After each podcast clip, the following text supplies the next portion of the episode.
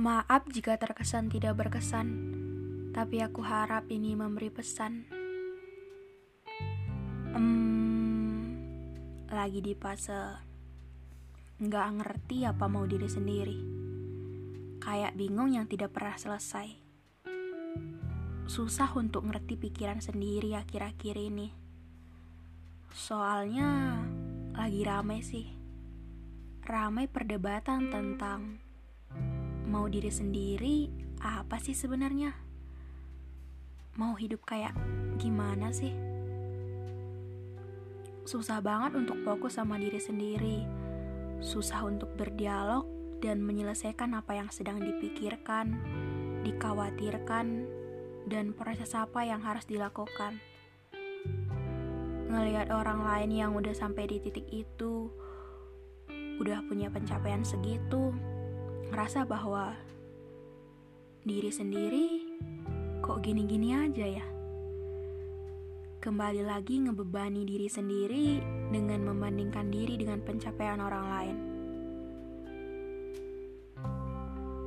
Ngelihat orang lain pintar dalam bidang ini, pengen juga kayak gitu. Padahal sebenarnya itu kan bukan kita ya. I know ini salah, salah untuk menyamakan diri sendiri dengan orang lain yang gak akan pernah bisa sama. Setiap orang punya kelebihan dan kekurangan di bidang masing-masing. Mungkin itu yang sering kita dengar dan memang benar sih. Tapi kalian pernah juga gak sih kayak gini? Atau sekarang lagi di fase ini? Lelah sih, tapi susah berhenti. Terus mikir lagi, apa mungkin itu sebabnya akhir-akhir ini susah bahagia. Karena kita membuat standar bahagia kita adalah ketika kita sudah sama atau lebih dari mereka yang sudah kita lihat pencapaiannya. Jadi kayak kadang kita pengen menjadi si A karena kita pikir itu keren dan pasti senang.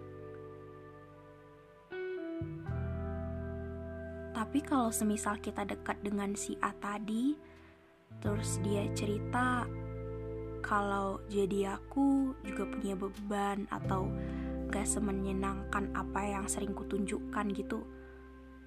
Kita kan pasti kaget gak sih? Harusnya sih, dari kasus ini kita bisa ambil satu kesimpulan bahwa kadang kita pengen menjadi mereka atau iri dengan pencapaian mereka karena kita nggak pernah tahu sebenarnya gimana itu. Kita cuma ngelihat baik-baiknya saja yang mereka tampilkan. Ya, kita cuma ngelihat dari jauh. Kadang kalau kita iri atau pengen jadi kayak mereka, baiknya kita jadi teman cerita mereka sih.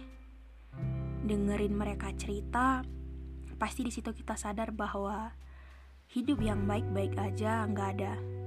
Nggak ada satu orang pun di dunia ini yang nggak punya masalah atau kekhawatiran-kekhawatiran.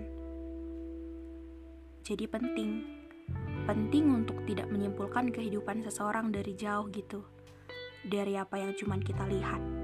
Karena yang kita lihat itu yang mereka izinkan untuk diketahui, yang mereka sembunyikan atau yang mereka coba untuk hmm, cukup mereka dan beberapa orang mereka.